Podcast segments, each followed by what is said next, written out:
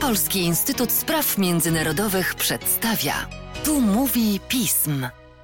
Tu mówi pism, a ja nazywam się Sara Nowacka i jestem analityczką do spraw państw arabskich w Polskim Instytucie Spraw Międzynarodowych. W dzisiejszej depeszy porozmawiamy o, jak sam o sobie mówi, najfajniejszym dyktatorze na świecie, czyli prezydencie Salwadoru. Mając absolutną większość w parlamencie, bo takie są wyniki, i bardzo silny mandat, są duże obawy, że tak naprawdę to jest początek dyktatury w Salwadorze. W wyborach w Azerbejdżanie i zmianie rządu w Gruzji. Poparcie dla Alijewa bardzo wzrosło. Pik osiągnęło właśnie w zeszłym roku jesienią po odzyskaniu kontroli nad Górskim Karabachem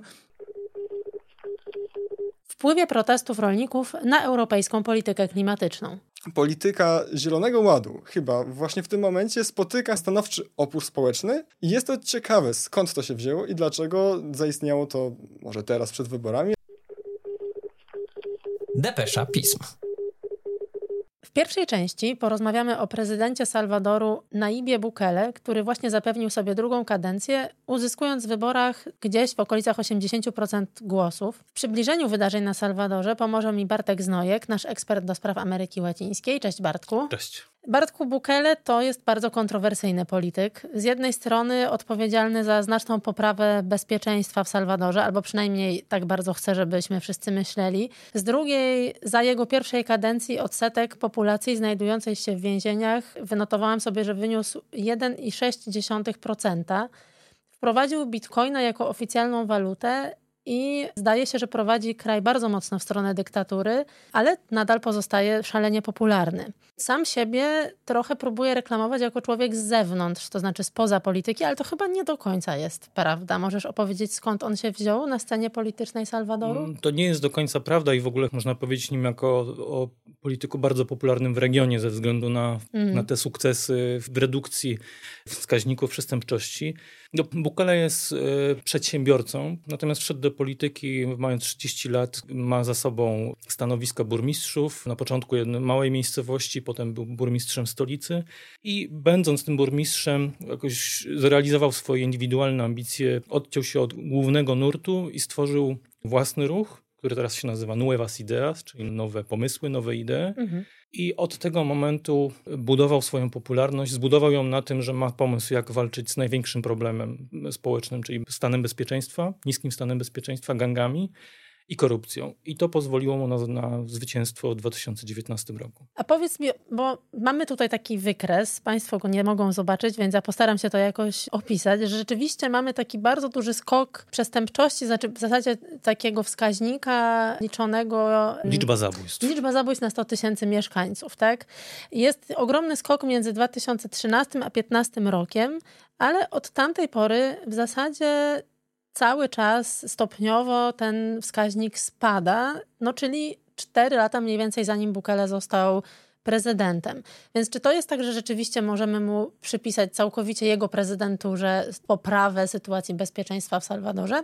Bukele bardzo by chciał pokazać to, że to, to on doprowadził do, do tej poprawy i jego model się sprawdza. Natomiast rzeczywiście coś, co pojawia się w różnych śledztwach dziennikarskich i w opisach czy analizach tych zmian, dotyczy układania się polityków z gangami, to znaczy negocjowania, zawieszenia broni czy zredukowania tej przemocy, konfliktów między gangami za jakieś preferencje, czy za lepsze warunki w więzieniach, czy za wsparcie polityczne, finansowe. Więc dużo się mówi o tym, że ten sukces Bukele, którym on się teraz chwali, który dał mu bardzo dużą popularność, wiąże się z tym, że negocjował z szefami gangów w więzieniach, co jest udokumentowane i dzięki temu tak naprawdę doprowadził do spokoju.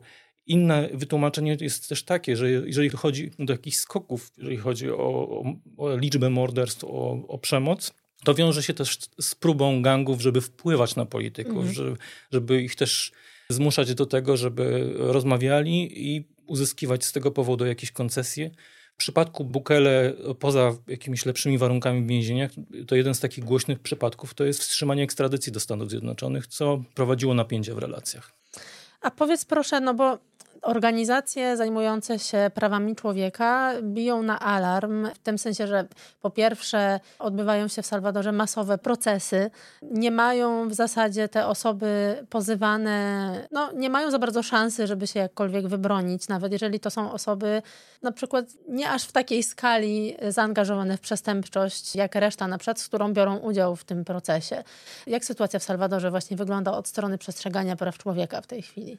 To jest oczywiście bardzo duży problem i jeden z głównych argumentów krytyków Bukele, że on wprowadził e, politykę twardej ręki, nie zważając na, na prawa człowieka. I nawet nie, tylko, nie tyle chodzi o przestrzeganie nie wiem, prawa do procesu, ale to, że Wiele osób, które były niewinne, było aresztowanych z powodu tego, że policja uznała, że mają ubranie, które wskazuje, że są w gangu, albo tatuaż, mhm. albo przezwisko. I trafiło bardzo dużo osób, które rzeczywiście nie było podstaw, żeby je oskarżyć. I na dzień dzisiejszy rząd oczywiście przyznał, że rzeczywiście takie sytuacje były, że to jest koszt takiej polityki i szacuje się, że ponad 7 tysięcy osób było zwolnionych w związku z tym, że te zarzuty nie były słuszne. Natomiast to jest część problemu. Druga część problemu jest taka, że Bukele na fali tej popularności coraz bardziej przejmował kontrolę nad różnymi instytucjami państwa i w tym momencie mając absolutną większość w parlamencie, bo takie są wyniki i bardzo silny mandat, są duże obawy, że tak naprawdę to jest początek dyktatury w Salwadorze. To zawłaszczanie instytucji państwowych zaczęło się już za pierwszej kadencji. Możesz trochę o tym opowiedzieć? Bukele bardzo naciskał na to, żeby wprowadzić ten swój plan bezwzględnej walki z gangami. W 2020 roku była taka sytuacja, że razem z e, uzbrojonymi policjantami wszedł do parlamentu, żeby wymusić dyskusję na temat jego projektu. I w 2021, kiedy odbyły się wybory parlamentarne, partia Bukele zdobyła większość. I to był początek zmian w różnych, różnych sferach władzy. Wymiana sędziów w Sądzie mhm. Najwyższym na lojalnych Bukele, zwolnienie prokuratora generalnego, bo tutaj były kwestie zarzutów i, i śledztw przeciwko Bukele i członkom jego rządu, jeżeli chodzi o jakieś malwersacje w trakcie pandemii, ale też układanie się z gangami.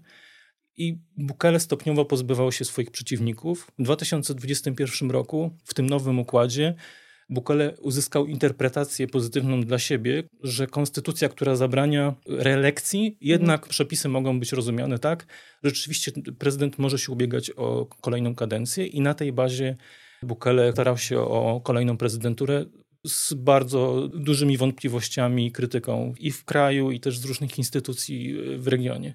I częścią tego problemu też było utrudnianie, jakieś prześladowanie dziennikarzy, jeżeli chodzi o wolność prasy. Jest takie bardzo znane medium, pierwsze medium elektroniczne, które powstało w regionie El Faro. Mhm które między innymi właśnie podawało informacje dotyczące tych negocjacji Bukele z gangami i oni musieli przenieść swoją siedzibę czy część administracyjną poza Salwador, bo argumentowali, że nie są w stanie tam działać. W przypadku tych ostatnich wyborów było bardzo dużo zgłoszeń, że dziennikarze nie byli dopuszczani do lokali wyborczych, więc to jest jeden problem. Tak samo z opozycją. Mm. Bukele tutaj krytykował opozycję, że jak, jak on dojdzie do władzy, to pewnie zwolnią tych wszystkich członków gangu z więzienia i, i powróci problem. E, straszył biznesmenów, żeby głosowali na niego, bo inaczej to wtedy sytuacja będzie mniej przychylna dla nich.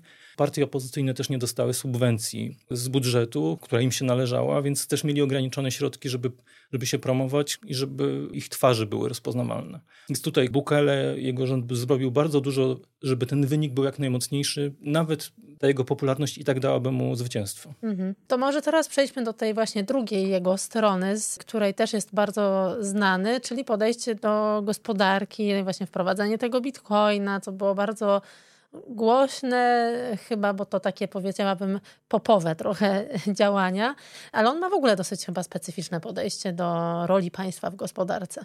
Bukele jako przedsiębiorca działał w branży reklamowej i widać to też w jego podejściu do prezydentury, która dużym stopniu odbywała się w formie jakiejś promocji, autopromocji na Twitterze, bardzo profesjonalnych filmów. I ten Bitcoin to była jedna z, jedna z marek, która miała przyciągnąć inwestorów, przyciągnąć zainteresowanie, ale też być receptą na problemy związane z zadłużeniem, hmm. z tym, że z dużymi kosztami, jeżeli chodzi o napływ transferów pieniężnych od Salwadorczyków, którzy mieszkają poza państwem, a to jest ważny, hmm. ważny dochód dla kraju. I tutaj rzeczywiście Bukele obiecał, że jak uda mu się poprawić stan bezpieczeństwa, to on tutaj ma pomysł na to, żeby rozwijała się gospodarka Salwadoru, że przyciągnie inwestycje, że ma tutaj różne propozycje, jak uatrakcyjnić Salwador, między innymi w sferze turystyki. I to częściowo się udało, w tym sensie, że rzeczywiście są jakieś projekty, jakichś kompleksów turystycznych, czy właśnie sam fakt, że poprawiło się bezpieczeństwo. Natomiast są zastrzeżenia do tego, że jednak sytuacja i kwestie biurokratyczne są tutaj problemem.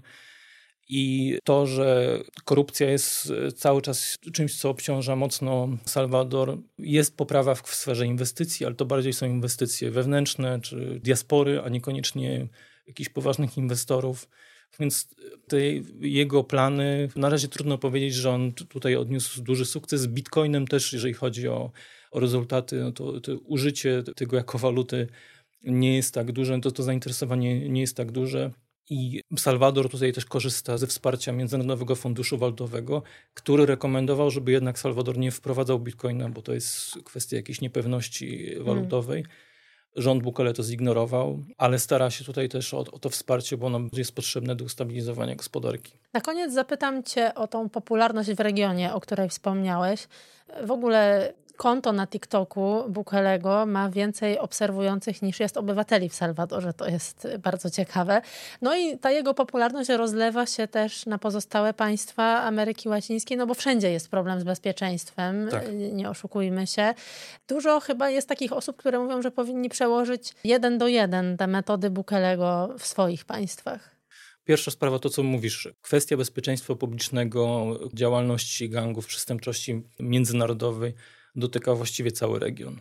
I w momencie, gdzie w różnych państwach dochodzi do eskalacji przemocy, to wtedy się zaczyna dyskusja na temat drastycznych rozwiązań. I te rozwiązania, które stosuje Bukele, czyli zaangażowanie sił, nie jest czymś nowym, nie jest czymś, co gdzieś jest jakimś jego autorskim pomysłem. Mhm. Natomiast rzeczywiście to, że on się chwali tymi wynikami, jest, jest tutaj taką nęcącą perspektywą dla różnych państw. To jest przykład Ekwadoru gdzie na początku tego roku w związku z ucieczką z więzienia bossów prezydent ogłosił wojnę z gangami, co doprowadziło do ogromnej fali przemocy. Pojawiły się podobne obrazki jak w Salwadorze, czyli zdjęcia z więzień z więźniami siedzącymi tuż obok siebie, czyli bardziej taki obrazek pokazujący, że rząd walczy z, z przestępczością, ale niekoniecznie coś, co się przekłada na poprawę sytuacji. Mhm. Były też takie przykłady prób wprowadzenia częściowo tego, co robił Bukele w Hondurasie czy w Boliwii. Więc jest to nęcąca perspektywa. Natomiast to, co też jest tutaj ciekawe, to że Bukele jest bardzo popularny jako lider, co przenosi tutaj nas na temat stanu demokracji, poparcia dla demokracji. Że okazuje się, że Bukele jest przykładem lidera, który wprowadza metody, które są sprzeczne z normami demokratycznymi i one są skuteczne, więc wzmacnia to obraz, że instytucje demokratyczne nie są w stanie rozwiązywać problemów, które dotykają region. I to jest tutaj niepokojący trend, bo on tak naprawdę legitymizuje e, silnego lidera, który nie przejmuje się prawem, ale jest skuteczny. Więc coś, co uświęca zasadę, że cel uświęca środki. Mm. Dziękuję Ci bardzo, Bartku. Dziękuję. Depesza Pism. W drugiej części Depeszy będziemy rozmawiać na dwa tematy z naszym ekspertem od Kaukazu Południowego, Wojciechem Wojtasiewiczem. Cześć Wojtku. Witam serdecznie. Będziemy rozmawiać najpierw o wyborach w Azerbejdżanie, a potem o Gruzji. Tak myślałam, że zrobimy to alfabetycznie, żeby nie było, że mam jakieś Dobrze. preferencje. Wczoraj, czyli 7 lutego, w Azerbejdżanie były wybory prezydenckie raczej bezkonkurencyjne. Przyznam się Państwu, że my tu w pism nawet robiliśmy małą licytację, jaki będzie wynik Alijewa. Ale to, co jest ciekawe w tych wyborach dla mnie, to to, że one zostały przeprowadzone dużo wcześniej niż powinny były być przeprowadzone. Możesz nam powiedzieć dlaczego?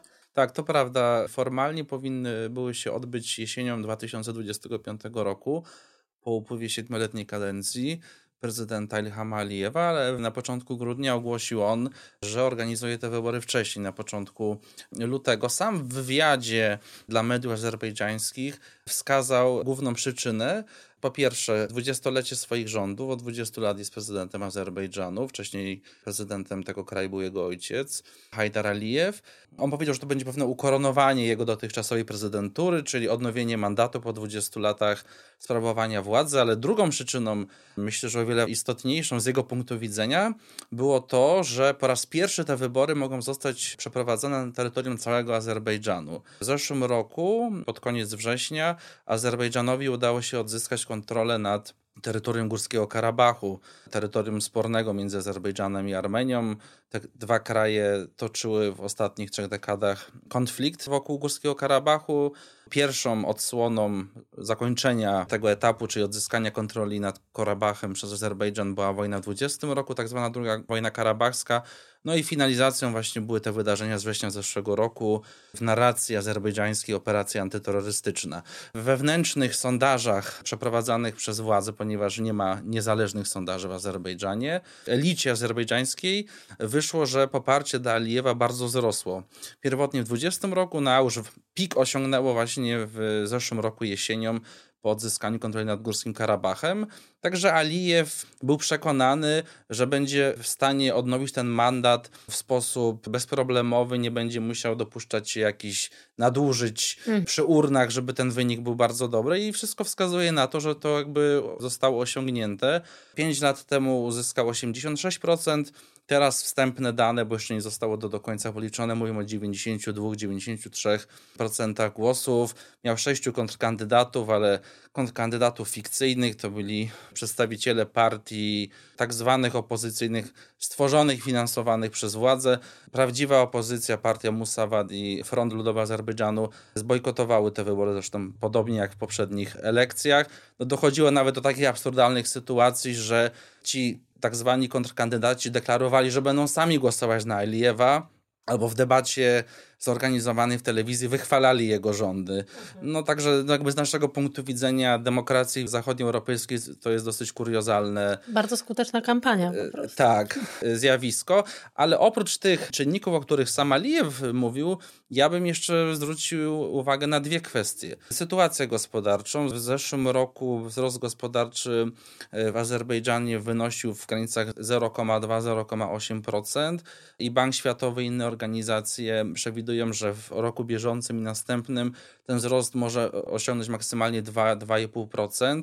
Więc myślę, że Alijew po prostu chciał, mówiąc kolokwialnie, kuć żelazo póki gorące, czyli odnawiać ten mandat, kiedy rzeczywiście to poparcie społeczne na niego jest duże i myślę, że nawet gdyby dopuścił rzeczywistą opozycję do wyborów, to on tak by te wybory wygrał. Oczywiście nie z 90 paroma procentami, ale 50 paroma, 60 procentami głosów na pewno by je wygrał, ponieważ rzeczywiście azerbejdżańskie społeczeństwo no, cieszy się z powodu odzyskania tych terytoriów. No, jakby cała narracja azerbejdżańskiej elity władzy przez ostatnie trzy dekady właśnie była skoncentrowana wokół odzyskania kontroli nad Górskim Karabachem i terytoriów okupowanych wokół tego, e, wokół tego obszaru.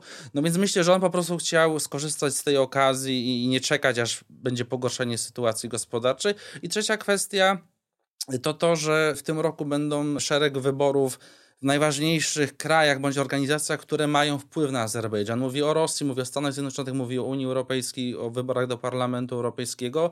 Wszystkie te kraje i Unia Europejska są zaangażowane jako mediatorzy w proces pokojowy negocjacji Azerbejdżanu z Armenią. Więc w mojej ocenie po prostu chciał mieć odnowiony mandat i czekać, mhm. jak sytuacja się rozwinie w Brukseli, w Moskwie i Waszyngtonie. To przejdźmy teraz do Gruzji. Tam mamy bardzo ciekawą zmianę polityczną na stanowisku premiera.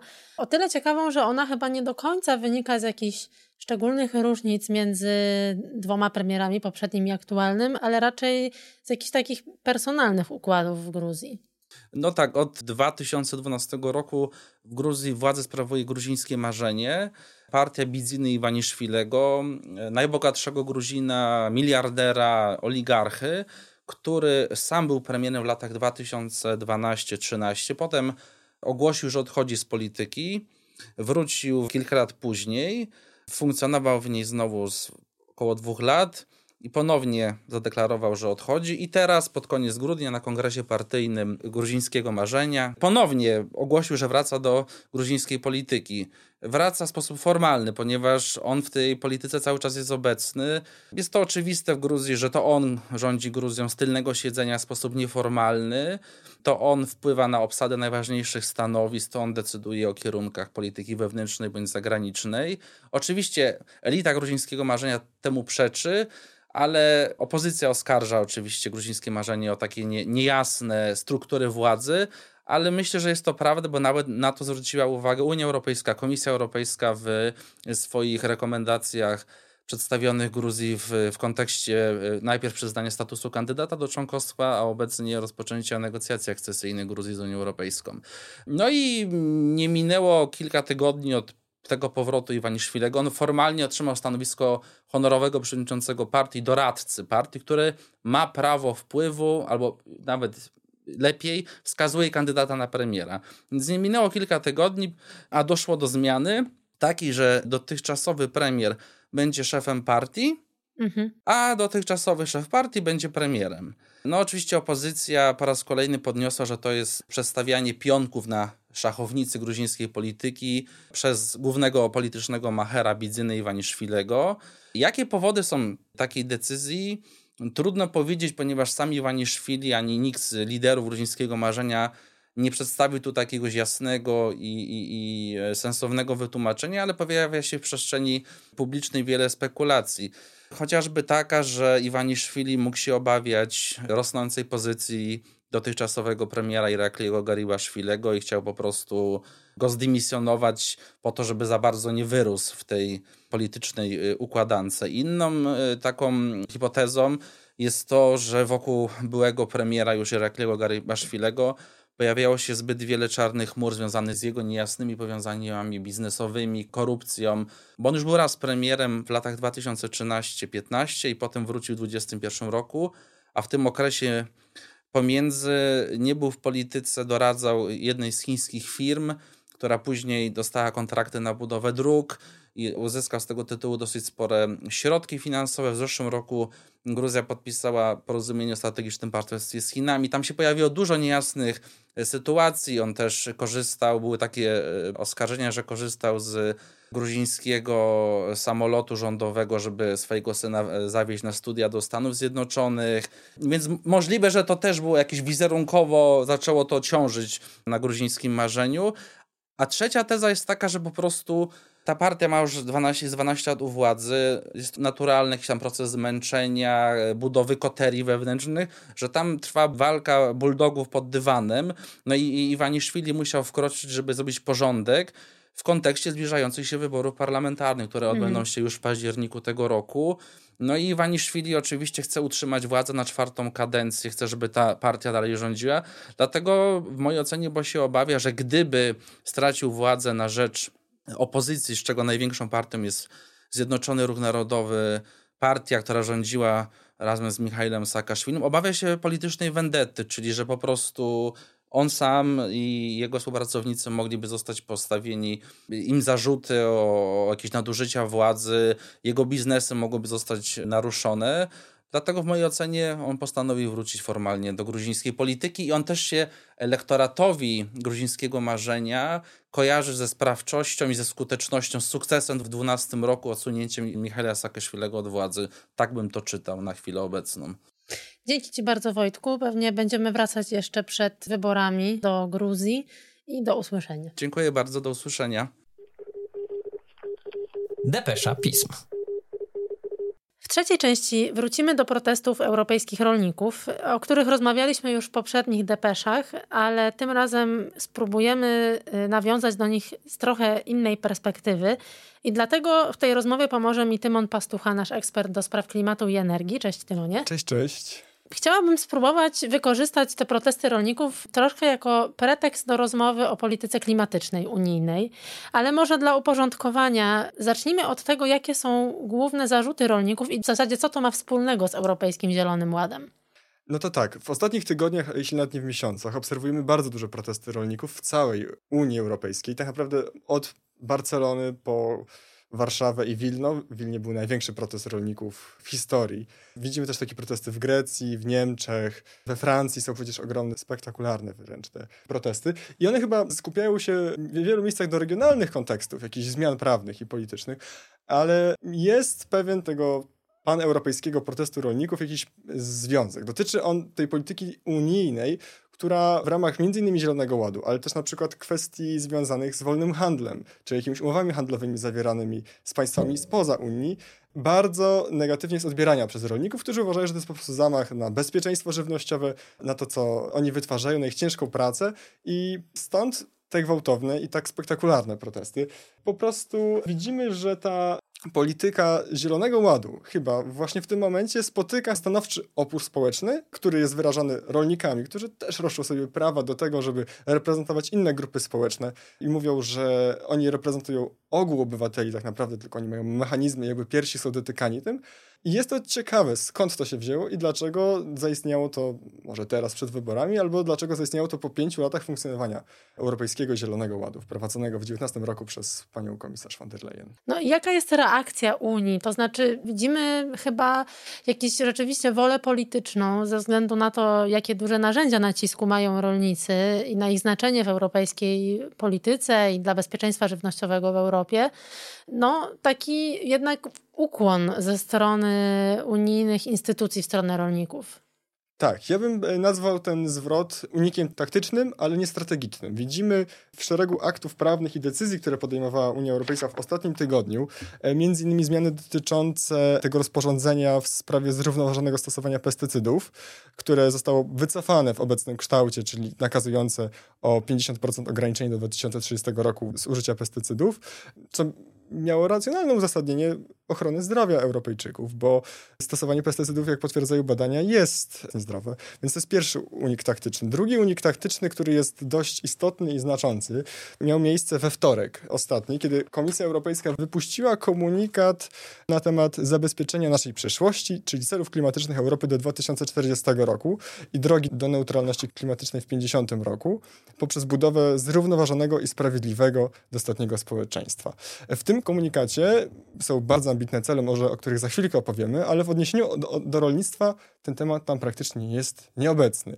To jest mocny ukłon w stronę rolników, ale to jest zmiana tak naprawdę bardziej odroczona w czasie, bo ona będzie musiała powrócić i transformacja unijnego rolnictwa E, musi się w jakimś stopniu, i to nawet tak naprawdę głębokim, dokonać według tego, co jest obecnie założone w ramach Zielonego Ładu, e, żeby posłużyć jakimś przykładem. Te zmiany, które miały miejsce w komunikacie w porównaniu do wersji, która wcześniej była dostępna dla mediów, do których dotarły media, a do, do tej, która na przykład pojawiła się w ostatecznym brzmieniu, na przykład nie pojawia się tam informacja na temat zaleceń do obywateli, aby dokonali zmian w swoim zachowaniu, takich jak jedzenie mniejszej ilości mięsa oraz wycofano nacisk na zakończenie subsydiowania paliw kopalnych. Więc to też jakby odnosi się do tematów rolnictwa, bo e, rolnicy w Niemczech protestowali właśnie między innymi przeciwko ograniczeniu subsydiowania dla oleju napędowego, a kwestia ograniczania ilości mięsa po pierwsze jest kontrowersyjna ze względów, nazwałbym to takich politycznych, bo to jest często podchwytywany temat przez różne skrajne partie, ale z drugiej strony też pokazuje, że branża hodowlana, hodowli y, zwierzęcej jakby bardzo nie chce ograniczenia tego, bo po prostu będzie się to wiązało z ogromnymi zmianami inwestycyjnymi i kosztami w perspektywie najbliższych kilku lat. Powiedz mi, Tymonie, czy z Twojej perspektywy, jako eksperta zajmującego się klimatem, jak obserwujesz właśnie reakcję na przykład Unii Europejskiej, która no tak na tle globalnym wydaje się być aktorem takim najbardziej, poza oczywiście tymi małymi państwami, które są najbardziej obciążone ze względu na zmiany klimatyczne, to jednak takim aktorem, który no, dużo inwestuje w zmiany, dużo inwestuje powiedzmy w pomoc też innym państwom obciążonym konsekwencjami zmian klimatu. Więc zastanawiam się, Dlaczego tak łatwo też Unia wycofała się z jakiejś tutaj jednak no, dosyć istotnej części zmian, które miały pomóc jej osiągnąć cele klimatyczne? Tak, z jednej strony to faktycznie może być troszkę zaskakujące, chociaż przyczyna jest tak naprawdę bardzo głęboka chyba prosta do zidentyfikowania. Dotyczy to przede wszystkim polityki komunikacji wprowadzonych zmian i Europejskiego Zielonego Ładu, dotycząca tego, jak on ma wyglądać, czego on ma dotyczyć i jak on jest konsultowany społecznie.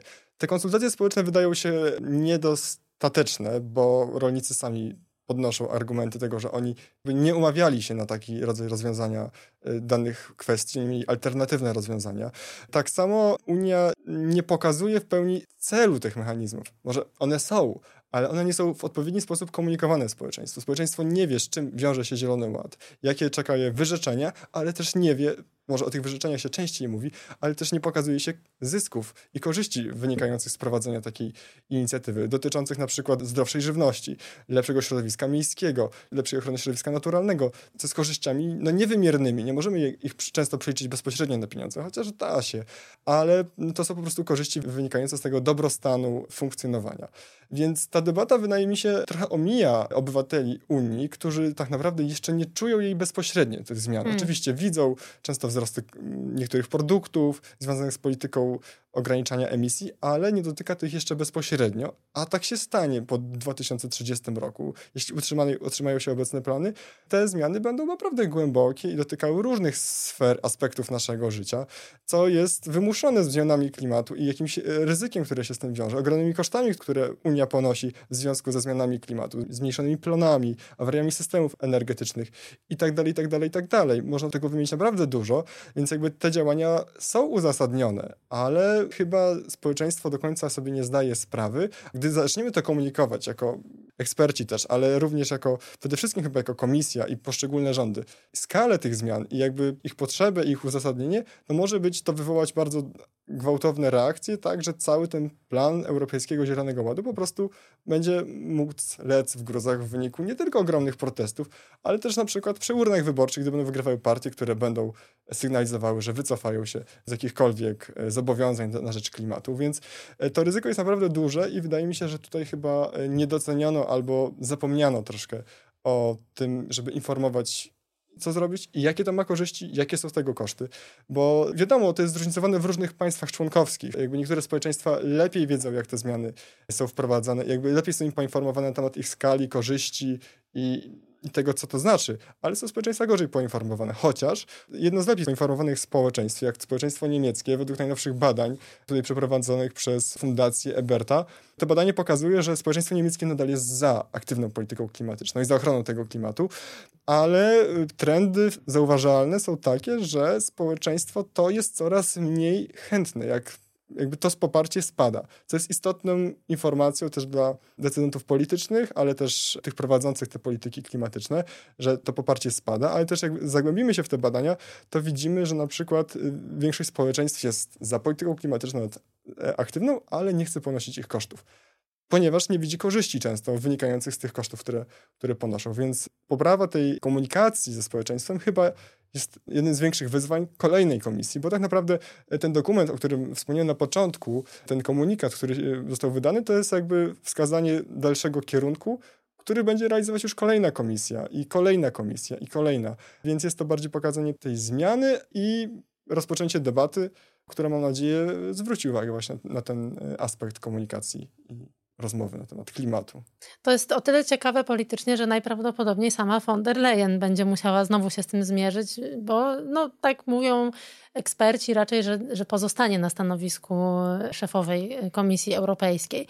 To, o co Ci chciałam zapytać, to jeszcze na ile widzisz, żeby takie potraktowanie właśnie sprawy, to znaczy właśnie brak jakiejś takiej pogłębionej debaty na temat tego, co te wszystkie zmiany w Zielonym Ładzie znaczą, tylko właśnie takie zrobienie kroków wstecz i trochę odłożenie problemów na później, czy rozmowy na później, czy to nie otwiera drogi do tego, żeby inne elementy Zielonego Ładu zostały podważone, no bo przecież one dotykają nie tylko rolników, ale też na przykład przemysłu europejskiego. Odnośnie von der Leyen i kolejnej kadencji tej komisji, to na pewno Przyszłe zmiany dotyczące Zielonego Ładu będą zależeć od, od konfiguracji Parlamentu Europejskiego. Jakie partie będą w nim i jak one będą się pozycjonować względem Europejskiego Zielonego Ładu. Widzimy, że część partii ma bardziej radykalny przekaz. Na mm. Zieloni, którzy chcą jeszcze więcej, jeszcze bardziej i nawet wysunęli takie postulaty w zeszłym tygodniu, jeśli dobrze pamiętam. Ale niektóre partie, szczególnie ta partia, która popiera e, von der Leyen, czyli Europejska Partia Ludowa, jest coraz bardziej sceptyczna i wyważona w komunikacji tego, jak Europejski Zielony Ład, czy polityka względem rolników ma być prowadzona. Być może jest to tylko znowu, jak powiem, zmiana, zmiana taktyczna, czyli obliczona na najbliższe 3-4 miesiące i dobry wynik wyborczy, ale być może to również będzie sygnał dla decydentów, w tym von der Leyen, by może trochę przemyśleć jeszcze raz tą politykę, szczególnie, że tak jak wspomniałaś, naciski ze strony również przemysłu, również branży energetycznej i poszczególnych państw mogą być naprawdę istotne. No i zadajemy sobie pytanie, czy polityka obecna Zielonego Ładu będzie wywrócona? To raczej jest mało prawdopodobne, ale pewne zmiany, ustępstwa czy wydłużenia niektórych terminów są jak najbardziej możliwe. Wszystko tak naprawdę chyba się rozstrzygnie przy urnach wyborczych i dlatego te wybory są naprawdę, powiedziałbym, istotne. E, stąd no, Komisji Europejskiej nie, nie pozostało aż tak dużo czasu na lepsze komunikowanie swoich e, pomysłów i wizji albo ich dyskutowanie z obywatelami, rolnikami czy przedsiębiorcami. Dziękuję Ci bardzo, Tymonie. Pewnie jeszcze wrócimy do europejskich wyborów. Do usłyszenia. Do usłyszenia, dziękuję. Depesza Pism. To już wszystko na dziś. Po więcej analiz zapraszam Państwa na naszą stronę internetową www.pism.pl. Dzisiejszy podcast wyprodukowała Natalia Radulska. Tu mówił Pism.